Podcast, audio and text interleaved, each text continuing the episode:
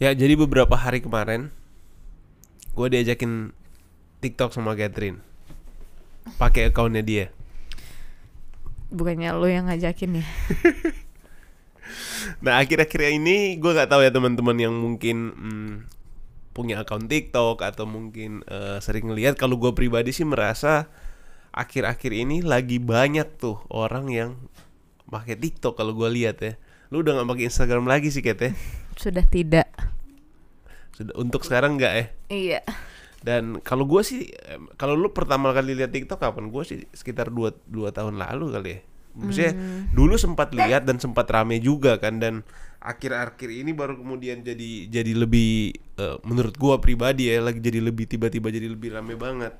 Dan mungkin juga karena pengaruh dia ada apa sih namanya watermark di videonya jadi jadi kayak orang lebih notice banget dan gua nggak tahu ya gua gua nggak pernah make dan dan nggak pernah eh, pegang langsung apli maksudnya membuka aplikasinya kayak gimana apakah itu lu bisa langsung share dari TikToknya ke Instagram atau gitu enggak ya Nggak, gue kurang tahu sih. kayak dia itu save Kayaknya manual terus di post gitu kali ya nah Kayaknya apa sih bisa langsung share nah sih. apa pun itu eh sekalipun kita bukan pengguna TikTok keduanya tapi pernah melihat orang menggunakan dan terlibat dalam akunnya orang untuk eh, kontennya orang dalam video tersebut Eh, hari ini gue dan Catherine bakal bahas di episode ke-8 kali ini di episode cuan eh, Wineside eh, episode eh, seri cuan di Wineside kita akan bahas tentang TikTok nih. Nah seperti biasa, em gue akan memulai dengan mungkin sebelum-sebelumnya banyak tuh kayak pengalaman pribadi dan lain sebagainya. Lu punya pengalaman pribadi nggak sih penggunaan TikTok? Mungkin kalau kayak episode sebelumnya Twitter, gue bisa banyak cerita sih soal soal gimana gue memakai Twitter dan lain sebagainya. Lu sendiri punya pengalaman pribadi nggak? Nggak yang signifikan sih kayak cuman ngikut-ngikut doang sekali dua kali. Dan gimana lo pengalaman lu? Experience lu sebagai user bukan langsung itu seperti apa? Nggak bisa dibilang gue sebagai experience sebagai user sih karena gue nggak menggunakan aplikasinya Mm-mm. secara langsung kan. Bener-bener kayak cuman terlibat dalam kontennya aja. Maksudnya kayak misalnya kebetulan aja gue ke sorot atau apa gitu terus masuk ke dalam video YouTube not necessarily itu berarti gue adalah pengguna YouTube kan Mm-mm. jadi ya gue kurang bisa Nah, berkomentar tapi banyak dari lu sih hanya kata lu tadi bukan pengguna langsung itu experience lu apa gitu? Lu melihat wah ini aplikasi yang bagus misalkan atau nah itu maksud gue gue nggak menggunakan aplikasinya at all kan Mm-mm. maksudnya terlibat dalam jenis-jenis kontennya ini kan tergantung orangnya maksudnya gue juga nggak tahu apakah ini kontennya pure seperti itu atau enggak maksudnya semuanya kayak atau yang mungkin dance-dance gua itu. rubah nih misalnya lu enjoy nggak atau lu eh, puas nggak sih sama hasil video yang udah di generate dari si TikTok ini? nggak tahu biasa-biasa aja sih. Maksudnya gue nggak bisa komentar banyak sih. Nggak nggak Kalau- menggunakan kalau- nggak punya cukup banyak pengalaman untuk bisa berkomentar banyak tentang eh, produknya sendiri. Nah kalau gua kalau gua pribadi sih gini sih apa eh, kemarin pas gua pas kita coba pas yang lu ngajakin itu gua harus dimention ulang-ulang nih lu yang ngajakin gitu bahwa eh, gua merasa apa ya bagus sih maksud gua lucu sih menurut gua ya agak-agak eh, experience yang baru menurut gua. Nggak tahu apakah gua jarang mengeksplor story Instagram itu bisa atau enggak atau gimana gua nggak tahu. Ataupun mungkin kalau orang yang pernah menggunakan Snapchat udah nggak kaget kali ya sama fitur-fiturnya. Cuma kalau gua sih em, lumayan lumayan apa ya experience yang baru sih bagi gua sih. Kayak ada musik terus tiba-tiba lu ada kayak koreografinya gitu-gitu sih lumayan lumayan baru sih bagi gua sih. Atau eh, yang gua tahu yang gua tahu ya yang mirip kayak eh, mirip kayak em, si TikTok ini dulu yang ingat nggak lu yang gue lupa nama aplikasinya yang yang kayaknya juga diakuisisi sama TikTok yang musically. yang lu em, musically. lip sync ya? Lip sync apa beneran nyanyi ya itu ya ya lip bisa beneran nyanyi bisa lip sync. Jadi kayak ada minus one gitu ya? Ada minus one lu ngisi sendiri ya suaranya? Iya kayaknya. Nah dan itu di dibeli tuh sama TikTok setahu gue ya. Iya gak sih? Hmm, merger. Merger. Nah balik lagi nih soal omongan TikTok. Kalau gua eh, dan Catherine sih em, buk nggak nggak punya pengalaman yang pribadi yang begitu banyak. Tapi dari sekian pengalaman yang udah kita lewatin sih em, kalau gue pribadi sih lumayan lumayan suka sih sama hasilnya cuma untuk menggunakan itu gue belum kalau menurut gue tapi untuk menjadi partner itu sih lucu sih bagi gue ya nah Tapi itu kan sebenarnya karena apa ya? Jenis kontennya yang kita ikutin tuh rata-rata yang lagi trending atau apa kan. Sebenarnya kan fungsi utama dari TikTok nggak cuman sekedar em, apa? Bukan cuman sekedar yang koreografi koreografi gitu. Dia kayak ya beneran konten gitu apa pun itu. Ada yang drama-dramaan, ada yang nyanyi, ada yang apa. Jadi mungkin perlu di-clarify dari kemarin-kemarin tuh yang kita nyobain dalam Hanya tanda kutip kecil. TikTok itu bukan juga nyobain produknya sih, bener-bener kayak cuman take part in the content yang mau dibikin orang aja. ah jadi maksudnya ada banyak banget pilihan kontennya Ya itu video lu upload video, upload Mm-mm. ataupun langsung rekam tapi video lu bisa apa pun itu mengedit dari template-nya mereka kan bisa. Maksud gua kayak plugin pluginnya mereka gitu bisa kan Maksudnya edit apa? edit videonya gitu misalnya oh Ya oh, lu bisa oh, tambahin efek kayak kayak sl- apa slow kek. motion gitu-gitu Ya bisa nambah-nambahin ada edit-edit video editingnya dikit. Oke, nah sebelum kita bahas lebih lanjut nih Kat soal ini, em, jadi si TikTok perlu kita eh, bahas di sini. Jadi si TikTok itu adalah perusahaan dari Cina, bukan perusahaan sorry, eh, brand dari Cina di bawah eh, ByteDance. Nah kalau di Cina namanya Douyin. Kalau di websitenya sih tulisannya mereka memperkenalkan dirinya si TikTok ini adalah leading destination for short form mobile video. Berarti khusus untuk eh, video-video yang lu video pendek yang diproduksi menggunakan HP kali ya. Mungkin kurang lebih begitu kali ini ya, apa sederhananya dan misi mereka itu adalah untuk menginspirasi kreativitas dan membawa kebahagiaan dalam website mereka tuh. Nah, foundersnya si TikTok ini adalah foundersnya si ByteDance juga, si Zhang Yiming. Dan sebenarnya ByteDance ini udah ada lama dari tahun 2012. Salah satu bisnisnya itu yang awal core bisnisnya itu ada namanya Toutiao. Kurang lebih ini kayak bergerak di bidang jurnalistik terus di bidang berita, news dan lain sebagainya yang dijual itu sebenarnya kalau gua lihat ya lebih ke AI-nya bukan sih kayak em, berita yang udah terkurasi sesuai dengan ByteDance itu kan memang mendefinisikan dirinya as a AI company juga kan. Mm, mm, mm, mm. jadi dia memang em, lumayan di awal-awal tahun pendiriannya itu memang lumayan mendevelop hal-hal yang bersifat AI ya. Sampai sekarang pun kan TikTok juga sebenarnya tidak bisa dibilang sebagai eh, social media app karena pada dasarnya dia wujudnya sangat berbeda gitu di mana lu kalau sosmed itu misalnya lu sign up Instagram pertama Mm, mm, kali mm, itu kan pasti feed lu kosong kan until Betul. you follow temen lu atau siapa pun itu sedangkan TikTok ketika lu buka pertama kali itu itu udah langsung penuh dengan konten mungkin agak sedikit mirip dengan YouTube ketika lu buka lu tanpa harus lu ikuti siapa pun berteman kan dengan kalau di Instagram siapa pun di explore ada. iya tapi kan feed utamanya adalah yang lu follow kan Iya. kalau TikTok kan completely different. Pas lu buka itu dia mengkurasikan video-video yang menurut eh, AI dia dari learnings dia bakal lu suka. bakal lu suka dan itu nggak tergan tidak terbatas pada ataupun tidak memisahkan antara eh, feed untuk orang-orang yang lu follow atau tidak benar-benar kayak tergabung semuanya. Mm, dan, dan jadi sebenarnya nggak bisa dipisahkan sebenarnya TikTok dengan AI-nya si si apa kayak si bisnis eh bisnis utamanya si ByteDance itu ya. Hmm, karena dia bukan social media sih menurut gua. Karena eh, social media kan itu fungsinya adalah untuk lu bersosialisasi gitu. Di TikTok Mm-mm. itu bener-bener pure content.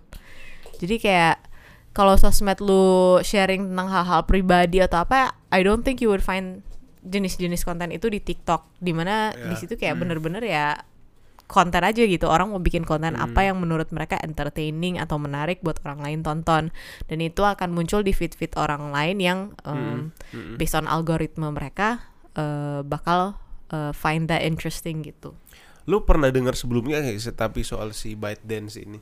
pernah pernah sering Em, lu mengenalnya dia sebagai apa? Ya, Maksudnya lu pertama kali tahu itu, oh ini ByteDance gitu. Itu apa gitu?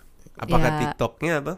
nggak TikToknya sih karena dia salah satu startup bahkan kalau nggak salah startup dengan valuasi paling besar di dunia setahu gue Oh iya ya. Mm, nomor satu Untuk startup. Mm-mm. Karena eh, kalau gue lihat sih, gue sempat riset-riset sedikit memang karena AI-nya itu ya yang di yang benar-benar jualan utamanya dia ya. ya ap- eh, gimana Em, kayak apa kecerdasan buatan yang eh, algoritmanya dan lain sebagainya kalau kalau dalam gambaran gua gua nggak gua nggak riset terlalu dalam soal ByteDance itu seperti apa tapi yang gua lihat mungkin kayak semacam produknya dia atau programnya dia mungkin banyak dipakai oleh aplikasi-aplikasi atau perusahaan-perusahaan lain kali kalau gua lihat ya. Yang gue tangkep sih intinya mereka adalah ya AI company dan mereka mendevelop berbagai jenis produk atau aplikasi eh, yang memanfaatkan AI itu sendiri. Misalnya dengan TikTok. Dia memanfaatkan core-nya adalah eh, bagaimana gue bisa mengkurasikan konten yang membuat orang tuh nggak mau meninggalkan aplikasinya gitu misalnya. Dan sebenarnya hal ini kan juga diimplementasikan oleh Twitter dan Instagram. Walaupun perbedaannya adalah mereka eh, startnya adalah eh, dengan konten yang lu follow atau lu harus follow dulu orangnya untuk muncul konten mereka di feed lu. Ya sedangkan TikTok itu kayak baru mereka kemudian eh, develop kayak algoritma untuk eh, mengurutkan konten yang muncul di feed lu itu berdasarkan apa yang eh, menurut mereka ya ya paling menarik buat lu. Sedangkan TikTok itu dari awalnya adalah seperti itu. Jadi dia kayak lu dari pertama kali sign up, gue coba sign up kan tadi. Mm, mm, mm. Terus gue buka, itu hal yang pertama yang muncul adalah udah pas lu buka bener-bener udah full of konten apa pun itu yang endless yang lu bisa scroll nonton-nonton terus dan makin lama dia akan belajar pelajari terus kan. Lu sukanya tipe konten yang seperti apa lu sering bacanya. Pinterest gitu ya? Hmm, Pinterest kan juga kalau misalnya tapi lu lo- harus menentukan ini dulu kan. Kalau lu sign up ya. di Pinterest itu di awal lu ditanyain interest lu apa? Enggak sih selama ini pas tadi gue coba enggak ada eh, request untuk kayak nanyain gue sukanya apa? Nah entah kenapa eh, mungkin ini agak sedikit melenceng nih dari pembahasan utama kita cuma gue kepikiran aja nih. Entah kenapa gue merasa si ByteDance ini em, produk-produknya dia kayak si TikTok kemudian em, Toutiao atau headline dalam bahasa Inggris itu kayak rana dia untuk show off bisnis utamanya dia sih kalau yang gue lihat ya. Jadi sebenarnya bisnis utamanya dia bukan buat aplikasinya dia sekarang tapi kayak em, sistem mungkin atau apa gitu yang bisa ditaruh di Iya. perusahaan. Kalau yang gue lihat ya. AI sih maksudnya dia perusahaan AI kan. Mm-mm, jadi makanya kayak dia yang- meng- mengambil aplikasi dari AI untuk berbagai macam jenis produk. Da- salah dan- satunya misalnya TikTok sama yang headline ya dan dan tadi. yang gue lihat adalah eh, TikTok headlines itu adalah em, kayak mau dijadikan semacam success story-nya dia mungkin kalau gue lihat ya. Tapi yang yang yang di yang di ini utama adalah AI-nya dia kalau menurut gua nah cuma balik lagi nih soal TikTok Em, TikTok ini lumayan unik sih. Kenapa lumayan unik? Karena biasanya kan startup itu didirikan oleh eh, seseorang tuh. Maksudnya buatan apa? Orang, beberapa orang atau founders. Nah, TikTok ini justru didirikan oleh perusahaan. Jadi kayak semacam agency gitu sih kalau dalam bayangan gua ya untuk kemudian dia membuat salah satu produk, produknya itu adalah TikTok misalkan. Jadi dan dia juga udah udah sukses udah sukses juga sebelumnya di aplikasinya dia yang si headlines tersebut dan dan dan rata-rata kan em, mungkin si pembuat aplikasi tersebut mungkin eh, aku dia juga melakukan akuisisi sih cuma maksud gua uniknya adalah dia dibentuk oleh perusahaan lain juga bukan investor loh dia perusahaan yang bergerak di bidang teknologi dan bidang perusahaan di bidang teknologi ini membuat produk salah satunya si TikTok ini. Maksud gua lumayan uniknya di situ sih dan berbeda mungkin bukan nggak terlalu mungkin nggak menjadi unik karena pada akhirnya dia juga tetap aplikasi tapi menjadi unik proses pembuatannya sih. Karena biasanya kan kalaupun sekarang ada perusahaan perannya adalah sebagai investor atau yang yang yang yang membuat kalau gua lihat. Tapi sebenarnya lumayan umum sih maksudnya kita menemukan perusahaan ketika dia menemukan strength-nya di mana misalnya Facebook gitu. mm-mm, Dia mendevelop produk-produk barunya itu berdasarkan core core bisnis yang dia punya kan yaitu Mm-mm. networkingnya Mm-mm. sendiri. dan dia punya data tentang berbagai macam user dan dia memanfaatkan itu dia ngerti tentang behavior usersnya gimana dan dia mengembangkan bisnisnya sesuai dengan uh, core bisnis awal yang dia Mm-mm, miliki. mm-mm. Nah, ByteDance ini sendiri gue nggak tahu ya produk pertamanya dia itu apa. Nah, maksud gua gini loh, kalau Facebook kan dia start dengan ya Facebook itu sendiri. ByteDance kan bukan produk. Paham gak lu maksud gua? Jadi dia dia membentuk perusahaan teknologi dulu. Nah, perusahaan teknologinya itu kemudian buat produk. Paham gak? Sama Memang sih aja agak sih beda dikit gua. sih. Maksudnya nggak beda, nggak terlalu beda. Iya, Cuma maksudnya- pas gua riset-riset tadi, gua penasaran gitu, apa ya bedanya sama yang lain kok dari yang sebelum-sebelumnya selalu kan berangkat dari produk dulu, kemudian dibuat perusahaan kan. Gua nggak nggak bisa komentar Biasanya karena gitu. gua nggak tahu sih ByteDance itu produk awalnya apa. Maksudnya bisa jadi kan up- mirip kayak Google gitu. Maksudnya dia udah bikin produknya dulu terus dia bikin kayak Ya, ya, company Nah, bisa eh, jadi sih. parent company-nya gitu untuk merangkum semua produk-produk lainnya. Nah, eh, seperti bi- pembicaraan-pembicaraan kita di episode sebelumnya, kayak oke lah kita tinggalkan lah ByteDance. Eh, nanti teman-teman kalau yang mendengarkan episode ini bisa riset sendiri di rumah atau cari ByteDance itu apa sih, terus eh, hubungannya ByteDance dengan TikTok itu seperti apa dan gua dan Catherine nggak bakal eh, ngomongin panjang lebar lagi soal eh, ByteDance itu seperti apa. Nah, seperti episode sebelumnya nih, Cat. Menurut lu hal apa dalam masyarakat, terutama dalam konteks Indonesia, yang paling berubah dengan kehadiran TikTok? Kalau gua ya, kalau gua pribadi gua mulai, mulai dari gua dulu deh. Ya, ya, ya ini lumayan kocak sih, tapi mulai sering gua melihat di jalan orang kayak dance dance sendiri atau gerak-gerak sendiri, gua gua udah tahu tuh pasti itu lagi orang lagi TikTok gitu. Kalau lu apa? Hmm, mungkin itu sih. Cuman berhubung mungkin pas gua lagi liburan pulang gitu lumayan banyak karena kayak kondisinya lagi liburan jadi orang kumpul-kumpul Mm-mm. jadi banyak orang yang menggunakan TikTok gitu gua lihat. Tapi pas balik di sini sih kayak maksudnya balik ke Jakarta lagi mulai kerja lagi udah bener-bener kayak nggak ada sama sekali sih. Jadi eh, mungkin lebih kelihatannya dalam waktu-waktu senggang sih. Kayak misalnya kalau lagi ke tempat eh, di mana orang lagi banyak berkumpul atau ke kafe ke mana gitu. Cuman Kalau kan eh, kalau gue sih melihat yang paling yang paling berubah adalah kemampuan orang untuk bekerja sama. Hmm, teamwork. Mungkin gue melihat dari mungkin ini agak-agak si- agak sedikit bercanda atau apa cuma secara nggak langsung loh ya teamwork itu bertambah loh kemampuan orang untuk bermengkoordinasi kayak kayak misalnya di keluarga gitu di acara keluarga gitu. Ada satu orang yang eh lu di sini ya lu di sini lu di sini lu lu lu eh, apa dance-nya kayak begini atau geraknya kayak gini gitu. Maksud gue ya ya ini hal simpel sih. Iya. cuma biar bagaimanapun itu mengubah loh.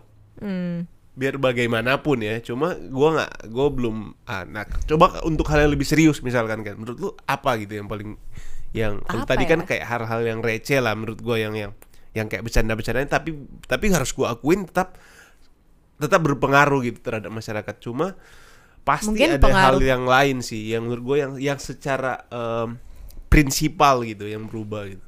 Mungkin apa ya karena gua nggak terlalu ngikutin hal ini dan orang-orang di sekitar gua juga cenderung nggak terlalu nggak sebanyak itu yang gua Hmm, lihat menggunakan TikTok nggak beda banget dengan misalnya Instagram dan maksudnya eh, untuk kita bisa mengidentify some sort of behavior change itu kan harus ada waktu waktu observasi yang agak lama untuk saat ini sih gue masih melihat kayak ya udah orang sekedar bikin-bikin konten aja tidak jauh berbeda dengan waktu misalnya Instagram atau awal-awal Snapchat orang jadi sering apa sih kalau lagi duduk tuh kayak pegang HP kamera depannya terus kayak sorot sana sorot sini gitu Hmm. maksudnya masih lebih ke sekedar itu aja. Belum ada kayak any behavioral change yang signifikan. Karena mungkin orang masih menggunakannya serupa seperti misalnya bikin konten YouTube ataupun konten Instagram. Bedanya adalah eh, ini lebih nyantai dia nggak Ya. se apa ya kalau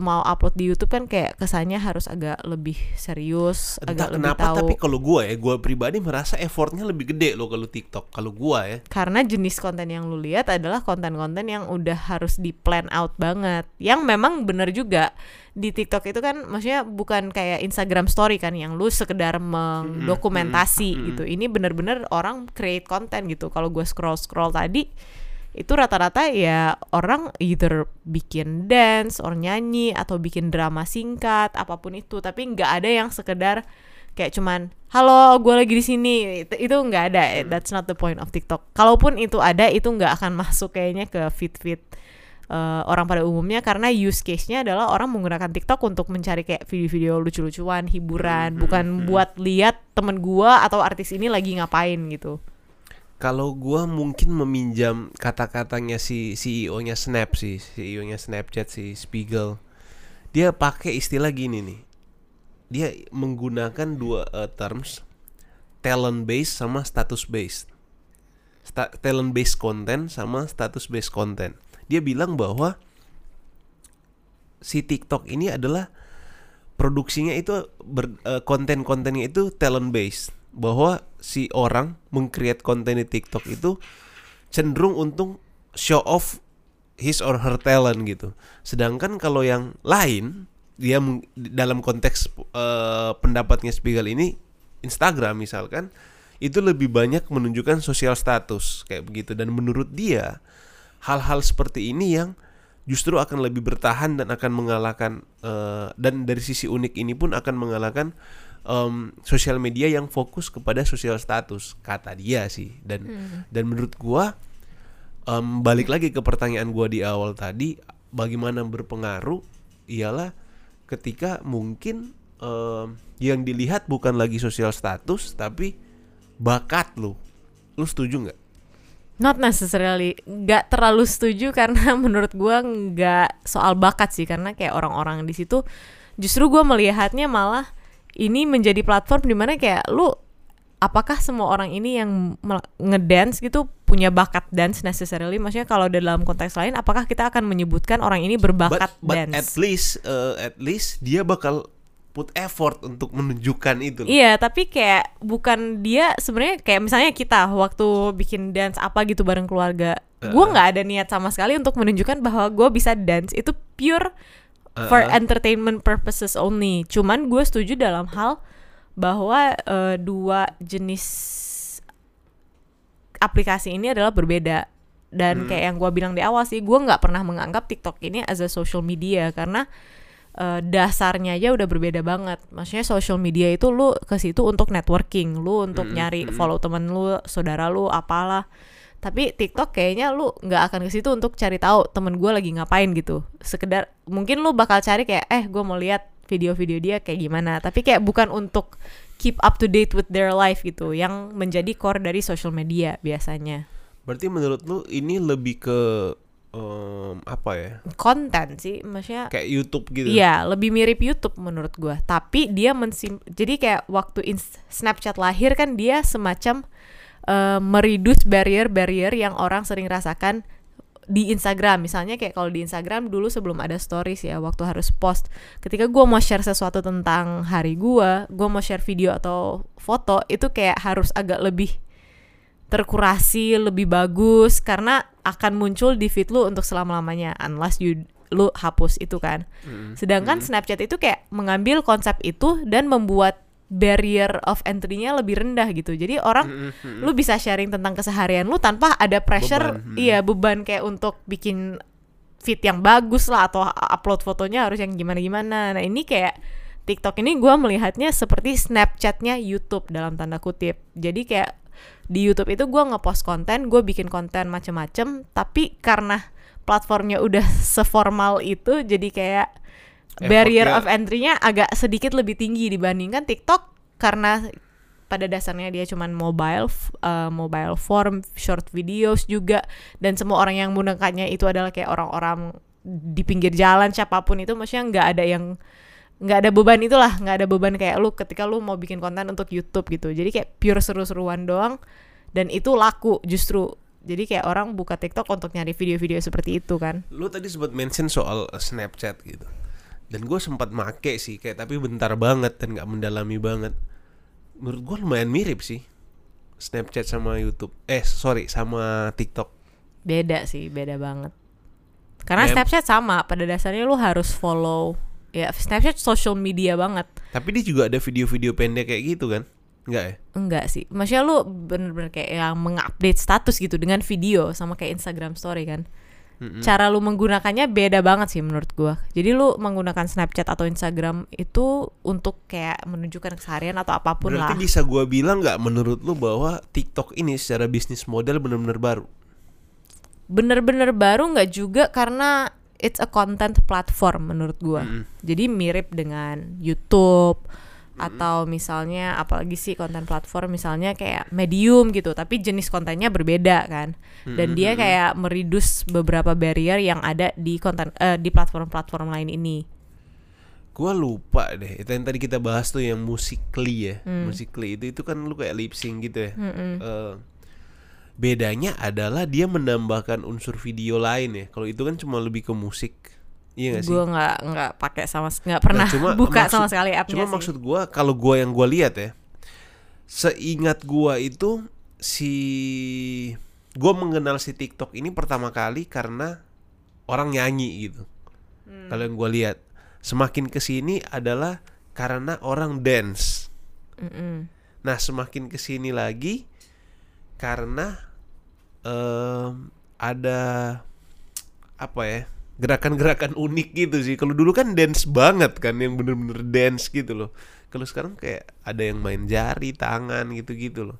Kayaknya eh, mung- mung- dan gua lihat tadi di apa di websitenya dia dia bahkan ada yang eh, campaignnya dia itu yang edu apa gitu kata edu talk atau apa gitu jadi kayak eh, mengedukasi orang gitu loh kayak inspirasional gitu loh Mungkin lu sering kayak mungkin ya karena di eh, circle-nya. iya, lu ngelihatnya itu dance. Karena kalau gua buka di gua Heeh. yang muncul-muncul terus itu kayak video-video lu tau gak sih? Misalnya eh kalau di Instagram tuh follow yang kayak video-video yang how to make stuff gitu-gitu. Maksudnya Heeh. tapi 15 yang muncul detik di feed, doang iya yang muncul-muncul di feed gue tuh tadi rata-rata adalah kayak misalnya orang ini lagi bikin em, apa salami lu tau gak sih? Kayak sausage sausage gitu. Mhm, terus abis itu ada yang lagi bikin em, apa cara bikin iPhone palsu lu pakai nah yang muncul di feed gue tuh seperti itu dengan jadi durasi sesingkat itu Iya, mereka percepat dong videonya kan bisa diupload kan, nggak harus direkam. Jadi makanya gue bilang eh, jangan Ini luas banget ya sebenarnya TikTok karena ini dia ya. kan konten, lu bisa upload konten apa pun itu. Maksudnya it's a content platform ini bukan kayak tempat untuk lu ngedance doang, walaupun mungkin di di yang kita sering lihat di circle kita adalah seperti itu. Tapi pas gue coba sendiri, tadi itu se- kontennya nggak se karena dia cepet banget ya. learningnya iya yang pertama kan pas gua bikin yang muncul adalah yang lagi trending nah terus kan mungkin pas gua scroll scroll gua lebih tertarik kayak buka-buka yang kayak kayak gitu gitulah misalnya ini jadi ini Mm. gimana how to make apa gitu nah jadinya yang muncul konten seperti itu terus di gua Tapi yang yang gua agak bingung ya kete. Em, kalau misalkan ini yang gua tahu ya, misalnya orang buat konten gitu, misalnya buat video, buat apa gitu. Justru kan semakin pendek semakin sulit kan lu menunjukkan message-nya gitu. Lu menunjukkan pesannya apa gitu yang mau lu sampaikan. Nah, bagi gue ini tantangan tantangan lumayan besar juga ya. Maksud gua ini bisa di sisi lain menjadi eh, keuntungan tapi bagi gua lebih banyak tantangannya sih menurut tapi gua kan ya. mereka juga sebenarnya mau bikin ini untuk platform entertainment it's not dan emang Bukan short yang form serius gitu ya. yang serius juga bisa tapi kan eh, tujuannya adalah short form mobile video kan yang dia bilang Mhm. dia mau jadi leading destination untuk short form video itu udah dinyatakan jelas gitu dalam mission statementnya which menurut gua mereka berani untuk melakukan itu karena kalau kita perhatikan f- mungkin kalau lu analyze YouTube analytics gitu video-video lu bakal menemukan bahwa orang pada umumnya kenapa sih social media itu bikin video-video durationnya pendek Mm-mm. karena psychologically behavior secara behavior manusia itu kita attention span-nya rendah. Mm-mm. Maksudnya kita nggak punya, maksudnya unless you are really interested in the content, Mm-mm. lu bakal perhatiin sesuatu itu cuman misalnya 15 detik awal. But uh, mas tapi poin gua adalah misalnya nih em, agensi misalkan buat konten, dia tahu nih secara psikologis bahwa oh orang cuma punya atensi terhadap suatu konten itu maksimal 15 detik gitu. Ya berarti gua harus kreatif dong untuk Dan berarti kan lu menyampaikan. berpikir keras dong ketika lu Iya. harus kreatif. Nah, maksud gua justru bukankah itu melawan em, tadi logika yang lu buat yang lu bilang tadi bahwa gue mau yang hal yang simple yang yang mau cepat justru kan justru malah jadi lu harus menghabiskan banyak waktu untuk berpikir Tapi it gimana caranya on- gue membuat semua ini dalam waktu yang sangat singkat gitu. Tapi kan itu karena lo mengambil konteks bahwa usernya semua mau membuat konten yang serius gitu, menyampaikan sesuatu yang serius. Yang which is kalau kita lihat di TikTok itu ya random gitu. Maksudnya it's not it's not apa ya? Sama kayak YouTube lah, lo bisa menemukan a wide range of konten kan. Berarti bisa gue bilang nggak bahwa nggak mungkin konten serius bakal laku di YouTube. Eh sorry di TikTok. Laku aja, di gua laku. Maksud gue effortnya jauh lebih besar karena Ya itu relatif apalagi sih. misinya dia bilang eh, lebih banyak entertainnya, lebih banyak membawa joyful, eh, maksudnya eh, biar orang Joy. joy gitu loh. Iya itu sih? relatif banget sih menurut gua karena konten yang simple yang cepat itu bisa jadi karena justru karena dia cuma 15 detik dan harus dalam bentuk form eh, apa HP dan lu tahu orang hanya akan scroll scroll gitu aja eh lu harus get to the point lebih cepat gitu. Mm-mm. lu harus lebih spend time thinking about bagaimana lu bakal mengemas hal ini dalam waktu yang sesingkat mungkin kreativitasnya dibandingkan kayak misalnya kalau gua mau taruh di YouTube karena gua punya waktu banyak banget atau film gua mau bikin film gitu gue bisa editing gue bisa apa kan itu kan effortnya juga lebih gitu Ya berarti relatif lah ya menurut Iya. gue. Kal- Kalau gue pribadi sih melihat ya memang ini konten untuk untuk yang entertain begitu sih kalau gua cuma gua nggak tahu ya mungkin masa depannya orang akan hanya punya yang laku adalah konten-konten pendek itu ya gua nggak tahu sih cuma untuk saat secara ini statistik sih itu sudah terbukti bahwa konten pendek lebih laku memang tapi effortnya gue ngomongin effortnya itu effortnya kan apakah lu membuat video panjang? Effortnya lebih kecil daripada lu membuat video singkat 15 detik? Not Maksud gua, really kan? eh, kreativitasnya gitu loh. Cuma ya sudahlah. Kan dia mau memang inspire creativity Ya, iya berarti missionnya. maksud gue tapi effortnya lumayan gede. Kalau gua ya misalnya dikasih pilih gitu misalnya lu mau buat video 3 menit apa lim- lim- 20 detik message-nya sama dan nyampe gitu. Gue lebih pilih 3 menit sih. Tapi 20 detik lumayan mana yang susah lebih loh. efektif? Kan Iya, kita balik iya. lagi mana yang dia kan based on uh, study lah maksudnya based on hasil Yes. analisis bahwa yang lebih efektif adalah yang sesingkat mungkin karena attention span-nya ya cuma Hmm, segitu gitu cuma em, oke lah itu bagi gua em, menjadi pertimbangan kita bareng gua sama Catherine agak sedikit berbeda dalam hal itu dan kita lanjut tadi gua sempat mention soal em, Spiegel si CEO-nya Snap. Dia bilang bahwa si TikTok ini bakal ngalahin Instagram. Nah, gue sempat riset-riset juga soal data dan lain sebagainya. Secara tren sih kelihatannya begitu. Ini ini, ini temuan gua ya. Jadi di tahun 2019 em, TikTok itu menggeser posisi Instagram sebagai aplikasi yang paling banyak di-download tahun 2019. Dan yang eh, data yang gue temuin juga adalah Instagram itu em, kayak jumlah pertumbuhannya itu turun satu digit gitu. Satu digit untuk pertama kalinya sejak dia berdiri tahun 2010. Hmm. Satu digit berarti eh, apa satuan dong maksudnya misalnya dia awalnya satu juta hanya menjadi seratus ribu gitu bagi gua itu drastis banget sih kalau turun satu digit gitu loh menurut lu lu setuju nggak dengan dengan ramalannya bahwa Si dia akan Snap. mengalahkan Instagram. Yes.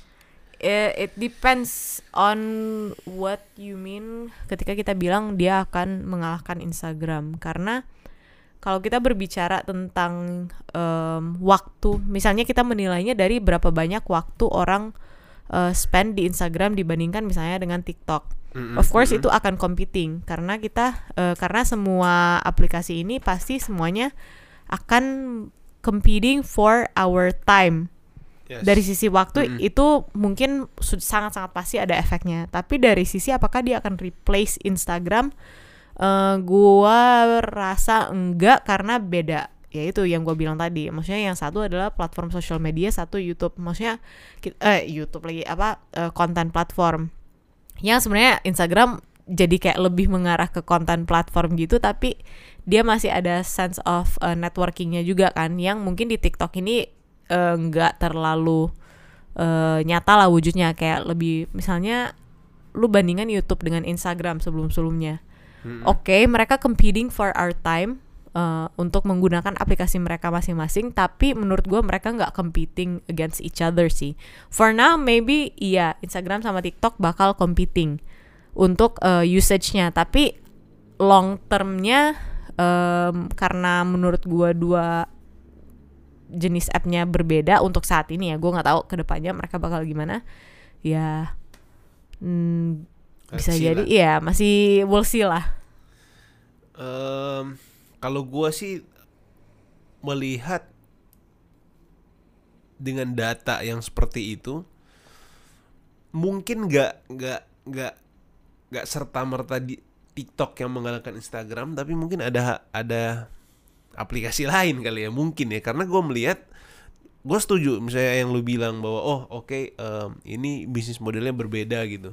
Cuma secara tren em, penggunaannya menurun terus menurun dan dia menurut gue udah udah sampai ke titik mentoknya sih. Dan dan mungkin dia akan mengalami fasenya Twitter kalau gua lihat ya.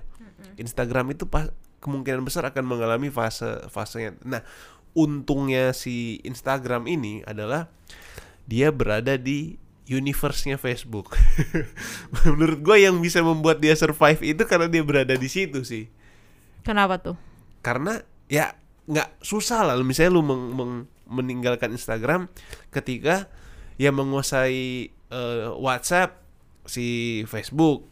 Si Facebook eh, punya Facebook juga sendiri. Dan menurut gua sosial media mana yang bisa ngalahin Facebook yang usernya udah paling banyak di dunia itu? Dan konten-konten seperti YouTube dan lain sebagainya juga sangat bergantung ke Facebooknya. Memang gua nggak tahu ya sampai sekarang ya nggak bisa ya ditaruh apa embed eh, apa sih istilahnya thumbnailnya YouTube di Facebook belum bisa ya. Hmm, kurang tahu. Gue kurang menggunakan Tapi FB. terakhir gitu kayak belum bisa kan kayak kayak kayak kayak kayak setahu gua ya, setahu gua terakhir itu em, tampilan thumbnail eh, video itu hanya muncul kalau misalnya lu upload di YouTube video eh sorry di Facebook video.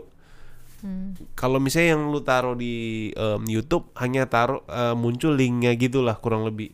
Nah maksud gua konten-konten yang shareable dan lain sebagainya pada umumnya pasti di share nomor satu di Facebook. Kedua adalah di di chat Em, WhatsApp contohnya. Ketiga eh apalagi ya ya di sosial media lu kan di media sosial lu selain Facebook sama chat yang tadi. Jadi menurut gua balik lagi ke persoalan yang tadi mungkin Instagram em, bakal em, mengalami fasenya Twitter itu jumlah menurun ada lagi aplikasi lain menggantikan dia cuma untuk dia sampai hancur lebur sih dan dilupakan misalnya kayak pet dan lain sebagainya kayak enggak sih Karena juga sebenarnya growth-nya TikTok ini masih bergantung pada uh, the Instagram fact that juga. itu bisa di-share di Instagram, di Facebook. Kalau dia Betul, berdiri betul, sendiri, betul. dia nggak membuat itu shareable dan orang bahkan nggak kepikiran untuk share, itu pasti ya matilah. Dan sebenarnya kan uh, lu tahu Vine nggak sih? Ya ya tahu tahu. Nah itu kan juga sempet Itu ada di masa-masa video, seperti kan? TikTok. Mirip banget sama TikTok sih sebenarnya. Kayak short form videos. Dulu mungkin kalau yang pada dengerin Rich Brian kan tahu pernah kenal dia lah dari Vine. Dia lumayan terkenal dulu di Vine. Mm. nah itu dulu juga pernah mengalami fase di mana semua orang bilang kayak oh Vine is the next big thing gitu. Ini yang akan mengalahkan YouTube. YouTube atau segala macam. Dan kalau nggak salah Vine itu diakuisisi oleh Twitter. Oh iya? Heeh, setahu gue itu milik Twitter sekarang. oh yang sekarang dia kalau taruh di video ininya fine ya? Di Twitternya Nah, itu sih? Oh apa enggak, itu mungkin tek- video. eh, sistemnya dia kali yang dipakai sama Twitter ya? Gue kurang tahu sih, tapi yang pasti dulu Vimeo masih ada Vine- nggak ya Vimeo? Tahu nggak lu Vimeo? Tahu. Cuma gue nggak pernah pakai sih tapi. ada juga video sekarang namanya V I D Ya itu kayak lebih mirip YouTube semua kan rata-rata untuk upload video. Mm, Nah, lu tadi mention soal pada akhirnya TikTok pun masih bergantung terhadap aplikasi-aplikasi yang lain ini. Mungkin sekarang udah nggak bergantung tapi use-nya itu eh, growth-nya itu nggak bisa dipungkiri bahwa impact salah satu impact paling besar adalah kema- eh, dari sosmed-sosmed lain gitu. Ketika orang share video-video TikTok mereka. Gue jadi ingat ini kayak apa em, podcastnya si apa Business Wars. Hmm. Ingat gak lu yang Facebook versus eh, Snap, eh Instagram versus Snap apa Facebook versus Snap gitu. Nah, gue ingat ceritanya si Snapchat. Jadi dia bilang eh, bahwa pernah sempat ada masa si Snapchat itu sangat bergantung banget terhadap eh, Instagram, bahkan sampai di. jadi ceritanya gini nih. Jadi si em, influencer-influencer waktu itu pada masa Snapchat lagi eh, awal-awalnya mau naik gitu sering naro link Snapchatnya mereka atau account Snapchatnya mereka di Oh, di Instagram. di bio Instagramnya mereka. Nah waktu itu si Facebook belum notice tuh soal itu, si Instagram belum notice tuh soal itu apa sih ya paling ini aplikasi apalah gitu-gitu. Nah tiba-tiba kok ini makin banyak pertumbuhannya, mak- penggunaannya makin tinggi, usernya yang download makin banyak gitu loh. Em, user acquisitionnya makin sudah mulu, mau mengalahkan eh, Instagram, jumlah share konten juga semakin banyak dan sebagainya. Bahkan sempat di ban loh ini ya. Jadi nggak boleh lagi influencer khususnya yang punya centang biru itu Taruh link Snapchat. iya taruh linknya Snapchat dan kalau sampai mereka tetap naro Dihapus Iya. centang birunya. maksud gue sebegitunya loh berarti em gue setuju sih sama yang lu bilang tadi Kate bahwa em, si TikTok ini pun masih sangat bergantung banget sama platform-platform yang lain dan bagi gue selama bisnis modelnya beda semua akan saling menguntungkan sih For now lah at least. Karena kan kita juga lihat ya walaupun Snapchat emang direct kompetitor sih mungkin ya. Mm-mm-mm. Nah, kita tadi sudah ngomongin soal bagaimana em, si TikTok ini bisa nggak sih ngalahin Instagram dan lain sebagainya. Nah, sekarang gua mau eh, mention sedikit soal apa yang gua temuin di websitenya dia. Itu gua lihat di tem- teman-teman yang mendengarkan em, podcast ini iseng gitu buka websitenya TikTok akan menemukan bagian di mana dia nulis global office-nya. Nah, yang menurut gue lumayan unik adalah dari sekian banyak negara dia naro Indonesia salah satu di Asia penggun eh, kantornya dia. Menurut lu kenapa Kat? Apa karena penduduknya banyak? Ya bisa jadi sih pasti kan lu kalau sebagai bisnis membuka cabang walaupun itu hanya kantor karena ada potential di situ kan karena usersnya banyak karena ya macam banyak macam faktor sih kalau gue lihat juga kan listnya ada Dubai, Mumbai, Singapura, Seoul dan Tokyo untuk yang di Asia.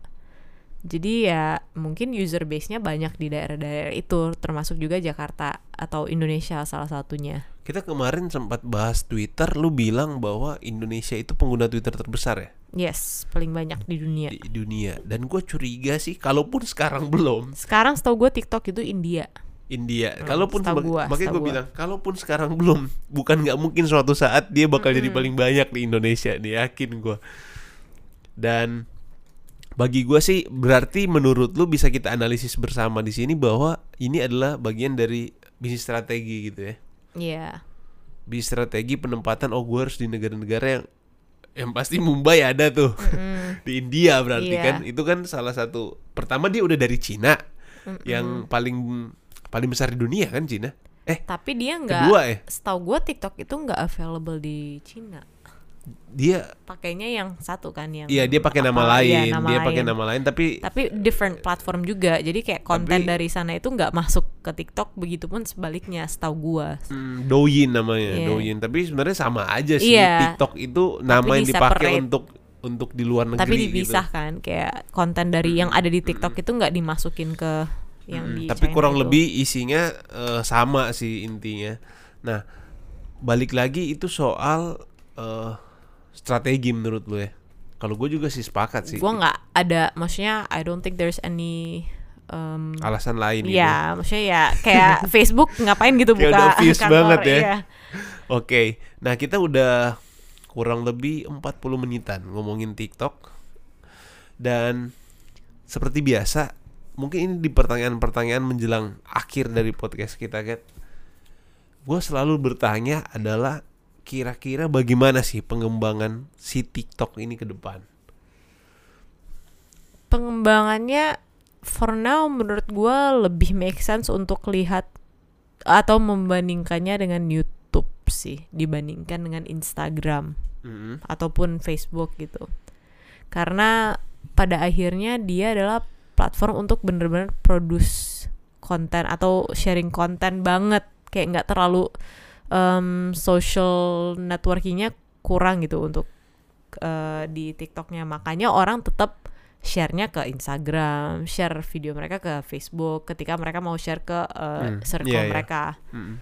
Tapi untuk pengembangan bisnisnya ke depan, ya ini pasti akan change the way we create content sih. Baik itu untuk advertising, balik-balik lagi, ataupun ya apa pun itu. Misalnya kayak sekarang gua tadi sempat buka itu udah em, ada beberapa kayak content creator Zenius.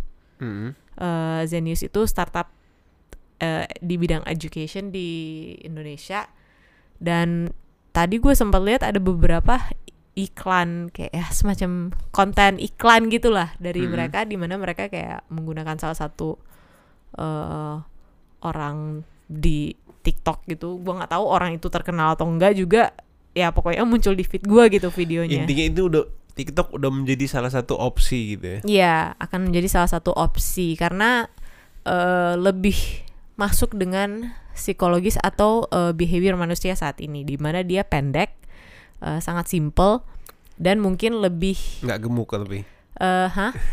Pendek dan nggak gemuk tapi kan. Maksudnya source of discovery-nya sangat mudah gitu dibandingkan dengan yang lain kayak karena algoritmenya masih purely based on the user's interest Mm-mm. kayak source of discovery-nya sangat tinggi ketika lu bikin video dan lu tahu sebelumnya udah banyak video yang mirip dengan atau kayak apa ya sejenis lah dibandingkan dengan Instagram source of discovery-nya lu harus punya following follower base yang cukup tinggi lu Hmm, udah harus hmm. punya kayak ya strong apa ya social status lah di Instagram untuk lu bisa eh, dalam tanda kutip selling konten atau apa pun itu. Sedangkan di TikTok kan itu nggak menjadi faktor.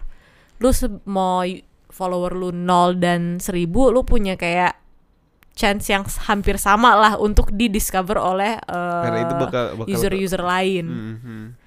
kayak kalau lu buka TikTok sekarang tuh kalau misalnya lu buka explore page di Instagram itu pasti kurang lebih orang-orangnya familiar kan? Orang-orang terkenal. Mhm. Kalau tadi gue buka di TikTok kayak bener-bener nggak ada yang Random ya selain gitu. Justin Bieber ya karena dia lagi Yummy Challenge-nya lagi lagi trending jadi Yang kayak bicara muncul itu lagunya dia yang baru ya. Iya, muncul muka dia tapi kayak selain itu bener-bener orang random banget yang gak ada yang kenal juga siapa kayaknya Gue jadi apa?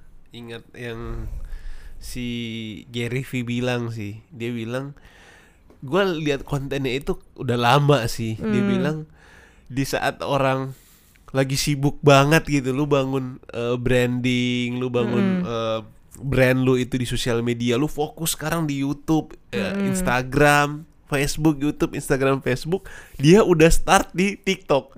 Itu gua lihat itu jam dulu ya, setahun apa dua tahun lalu gitu. Gue bilang, wah nih orang ngaco apa ya? Ngapain dia buat konten di TikTok gitu loh.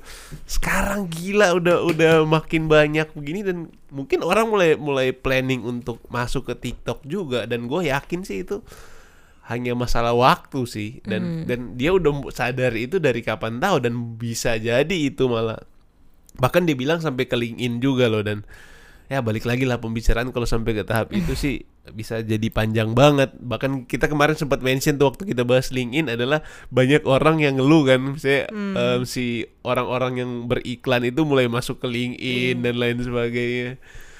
Pada akhirnya sih apa ya? Ya karena kan lu untuk mau jualan lu pasti seeking attention dari apa eh potential customer base lu kan. Mm-mm. ya di mana pun mereka sedang berada misalnya mereka lagi spending much time di TikTok ya udah berarti gue harus masuk ke TikTok gitu untuk uh, grab their attention dengan cara apa pun itu. Kalau mereka lagi banyak menggunakan misalnya Instagram ya udah gue masuknya ke Instagram gitu. Mm-mm. Be- eh, dulu sebelum ada platform-platform ini orang-orang rata-rata ya spend time itu di dunia nyata gitu. Makanya billboard di mana-mana kan depends on your strategy aja gitu. Apakah user base lu lagi eh, spend banyak waktu itu di mana dan di mana lu bisa dapat attention mereka. Kalau misalnya emang dia mau reachnya orang-orang yang udah agak tua yang nggak terlalu pakai TikTok gimana gimana ya buat apa gitu kan? Ber- lu bikin Berarti buka-buka bisa gue bilang nggak ke bahwa eh, poin dari lu adalah TikTok pengembangan bisnis TikTok ke depan ya lagi-lagi seperti pada umumnya adalah ya platform advertisement ujung-ujungnya gitu. sekalipun mereka nggak berniat untuk itu ya tapi secara natural ya namanya orang punya bisnis itu pasti mau nyari tempat di mana mereka bisa berjual dengan cepat ya ujung-ujungnya pasti di situ gitu akan ya. banyak ya apakah Instagram dulu kita eh ber apa expect bahwa ini akan menjadi platform endorsement banget gue rasa enggak kan awalnya kan orang Sampai cuma sekarang share jadilah seperti iya, ini. gitu. sekedar share fotografi aja. Oh, ini foto bagus gitu gue share. Tapi kan jadi berubah banget. Tapi hal yang sama tidak ke pick up gitu di Facebook. Gue sangat jarang sih lihat orang kayak nge-endorse terus disuruh di post di Facebook Tapi mereka iklannya kan. banyak banget kan di Nah, Facebook tapi iklan sekarang. banyak. Makanya gue bilang kayak tergantung mediumnya juga kan. Jadi harus eh ya gue belum terlalu banyak menggunakan TikTok juga sih. Data gimana menurut lu? Kayak Kenapa misalnya eh, kita kalau ngomongin teknologi aplikasi zaman sekarang kayak susah deh nggak membahas soal peluangnya dia dalam pengembangan di em, data yang udah dia kolek selama ini menurut lu Ya justru kalau TikTok mungkin kan mungkin gaya dance gitu gak Gak, Si gak, gak. TikTok. Gue gue gak tahu sih tapi kalau gue kalau kalau LinkedIn kan kelihatan banget data yang bisa lu monetize apa aja gitu.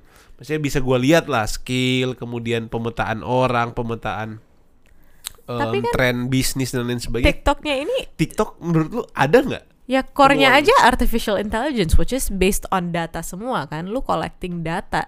Ya iya, Justru maksud strength-nya dia apa kira-kira yang bisa dijual dari dia kolek video orang nyanyi, video orang nari gitu-gitu, lu dia menggunakannya kan untuk mensodorkan konten yang lebih akan lu sukai ke feed lu.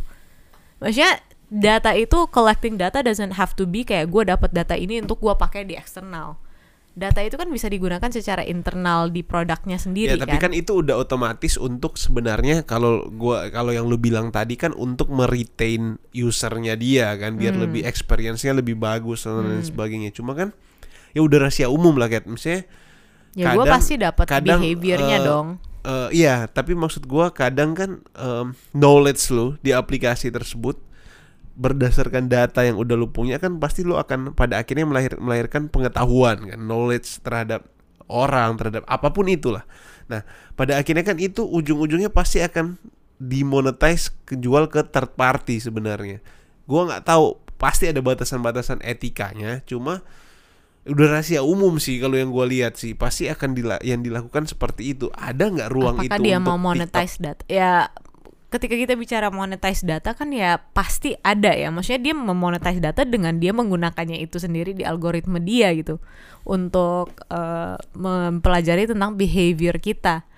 Dan Bisa- itu kan pasti lu bisa kasih insight kan. Misalnya lu punya data lu punya algoritma tentang dan bahkan dia tentang masing-masing individu gitu usernya dia. Algoritmanya apa? Mempelajari bahwa si user A punya kecenderungan seperti ini dan dia bisa based on demografi juga gue lebih belajar tentang behavior sih sama kayak Instagram YouTube gitu-gitu kan juga em, banyak belajar tentang maksudnya secara data itu lo gain banyak data tentang interestnya users di dunia Ya, itu ya. apa secara Hmm. demografi gimana kayak misalnya Google juga eh mengcollecting apa yang paling banyak di search dan menarik insights-insights dari situ kan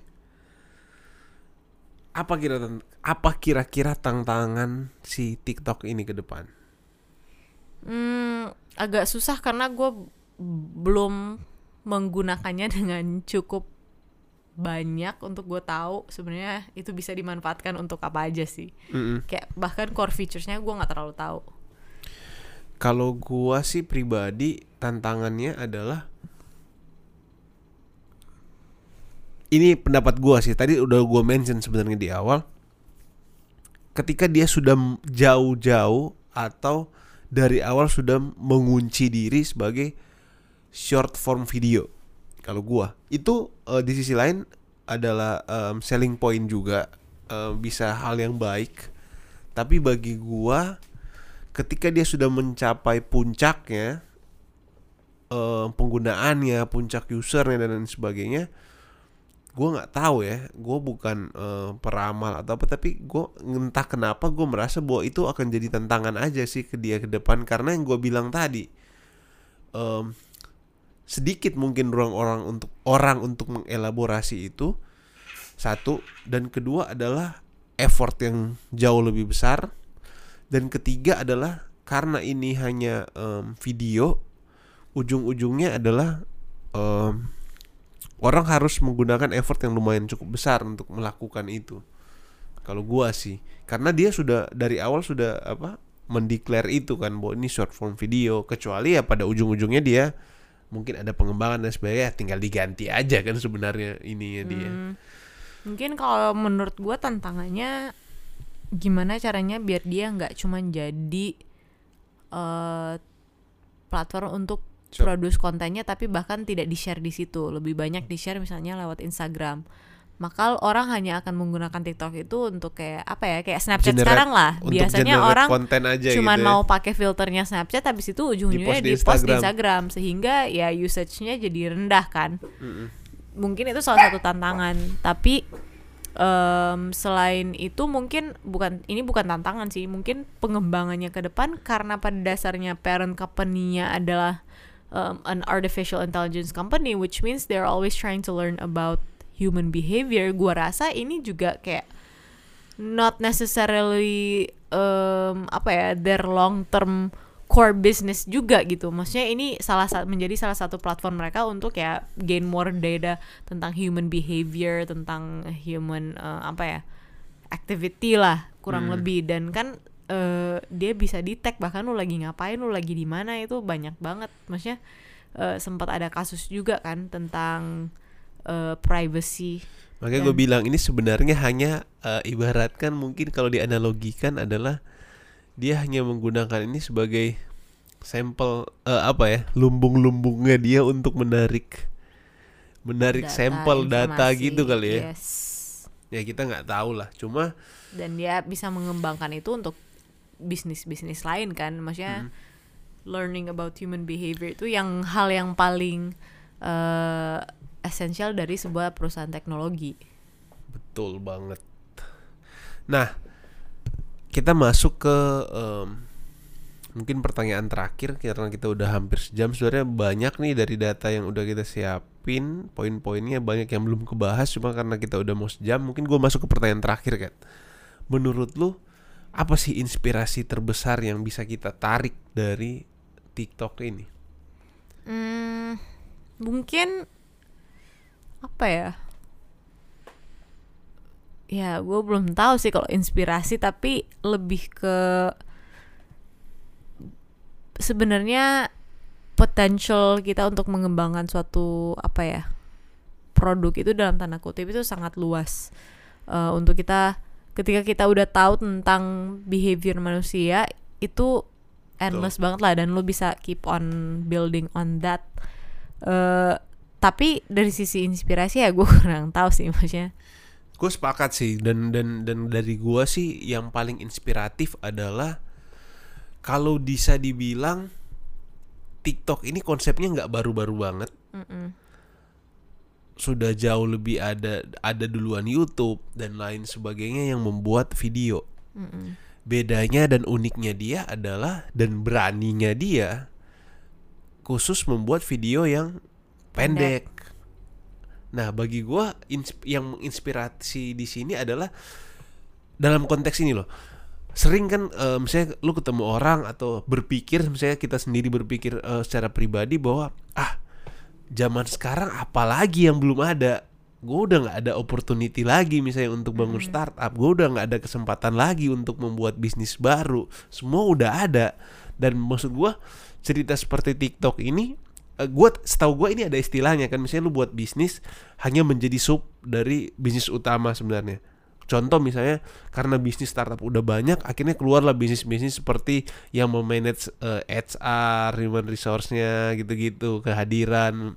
Kayak misalnya yang memanage pekerjaan-pekerjaan remote dan lain sebagainya apa sih istilahnya kayak tapi em, itu juga ujungnya kan build any type of business itu kan building on opportunities yang ada kan jadi ya Nah, itu. semakin ada opportunity baru pasti ada opportunity baru lagi yang Hmm, dilahirkan. yang Makanya gue bilang ketika eh, gue sih tipe orang yang percaya bahwa nggak bakal pernah habis sih. Mungkin bedanya adalah yang memulai duluan adalah yang menjadi puncaknya. mm, Ya kayak kurang lebih kayak MLM gitu lah. Kayak MLM yang paling awal mungkin di bawahnya mungkin tetap gede juga tapi em, mungkin nggak bakal sebesar yang di awal. Tapi kalau dibilang opportunity nggak ada bagi gua pasti ada. Dan kadang nggak berlaku juga untuk nggak ber- nggak berarti. Gua termasuk orang ya percaya juga bahwa memulai awal belum tentu dia bakal paling besar pada ujung-ujungnya sih. Bisa jadi yang datang kemudian bukan nggak mungkin lu kalau lu nggak pernah eh, nggak bisa beradaptasi gitu. Dan dan mungkin poin penting yang gua bisa dapat dari TikTok adalah kemampuan dia untuk adaptif sih. Si foundernya atau mungkin si tim engineeringnya dan lain sebagainya. Karena gue sempat baca artikel dan gue yang sempat gue share kemarin ke Luket gue lupa ya dari artikel mana gitu ya kemarin gue baca adalah salah satu skill yang paling sangat dibutuhkan saat ini adalah kemampuan adaptif. Mm, A- adaptif di sini dalam artian lu bisa membaca tren bisa membaca keadaan dan menerapkan itu dalam bisnis lu atau em, apa yang lu lakukan saat ini. Karena dia memberikan contoh di masa itu banyak perusahaan di sekitaran tahun 1970-an kalau gua nggak salah itu adalah perusahaan yang sangat besar yang yang hampir nggak mungkin lah lo melihat bahwa perusahaan ini nggak bakal survive karena sudah sekian besar market share-nya dia dan sebagainya tapi karena dia tidak ini analisisnya mereka ya karena penelitiannya mereka. Tapi karena di mereka tidak punya tim yang mampu uh, keep up dengan perubahan zaman kemudian pertumbuhan tek- uh, perkembangan teknologi dan sebagainya hampir uh, lebih dari setengah 70% perusahaan-perusahaan yang besar saat itu sekarang sudah nggak ada karena bangkrut dan lain sebagainya. Nah jadi balik lagi ke soal inspirasi yang gue dapat dari TikTok menurut gue adalah kemampuan dia untuk eh, memang sih dia nggak ada di awal dulu tapi dalam hal dia mencari peluang bisnis adalah konteks dia beradaptasi terhadap yang lu bilang tadi behavior orang kemudian apa sih yang orang suka saat ini apa sih yang paling dibutuhkan orang apa sih yang menjadi masalahnya orang oh, oh, CEO terus founder-founder startup yang besar selalu bilang kan lu mau buat sesuatu lu cari dulu masalahnya apa sih? Permasalahannya apa sih? Dan bagi gua inspirasi dari TikTok itu adalah em, dia mampu melihat peluang itu sih. Em, si video pen kalau dalam bayangan gua ya awal dia keluar ini gue bilang ini apaan sih? Maksudnya lu buat video eh apa kok lu berpikir untuk membuat aplikasi seperti ini gitu loh Eh, yang yang yang seru-seruan gitu dan lain sebagainya. Padahal kan udah tapi banyak. jangan jangan ini loh lu masih terbatas bahwa TikTok itu kayak yang seru-seruan yang lu ah lihat iya iya iya. Jadi bias gitu ya. Jadi bias itu kesannya kayak video apa musically banget. Ya mungkin itu yang sering gue lihat di sponsor sponsor Iya. di Instagram atau lain sebagainya sih jadi bias ya jatuhnya. Cuma intinya ya udahlah gue gak bakal mention itu tapi intinya video pendek. Hmm. 15 detik 20 30 detik ya paling panjang kalau gue nggak salah di nggak tahu. Nah yang yang yang ya, punya pendek lah. Yang lu nggak bisa lagi lebih panjang lagi dari itu. Nah bagi gue sih itu em, em, tindakan yang cukup berani dan terbukti eh, gua nggak tahu apakah ini terlalu prematur kita menjudge tapi setidak-tidaknya sampai saat ini berhasil bisa dibilang sih. Hmm. Tinggal gimana dia bisa mempertahankan itu sih. Ya. Oke em, kita udah sejam ket ngomongin TikTok. Dan mungkin lu ada tambahan nggak? Enggak sih. Kalau nggak ada, em, terima kasih buat teman-teman yang sudah menonton, eh Mendengar. nonton lagi mendengarkan, mendengarkan episode eh, ke-8 dari seri cuan ini. Em, bahas TikTok. Nah, kalau teman-teman merasa bahwa konten ini bermanfaat, berguna atau dapat informasi baru, eh, jangan segan untuk share atau rekomendasikan ke teman kalian, pacar kalian, atau keluarga kalian, siapa pun itu yang uh, kalian mau share. Dan jangan lupa juga untuk follow uh, Instagram kita at winesight.id dan juga sekarang kita ada Instagram sendiri kan, oh iya Instagram account sendiri. uh, kalian cari aja tuh cuan podcast gitu cuan Triple N. cuannya n-nya tiga gitu. Kalian bisa cari sendiri Em, nanti follow di situ. Sekarang sih belum diupdate em, konten-kontennya. Tapi ke depan em, cuan podcast itu secara khusus masih tetap bagian dari Wineside tapi secara khusus akan lebih banyak membahas konten-konten di luar podcast tentunya. Mungkin em, yang sifatnya image atau apa gitu melalui em, channel eh, si account tersebut si cuan podcast tersebut. Oke em, terima kasih sudah mendengarkan. Sampai ketemu di episode selanjutnya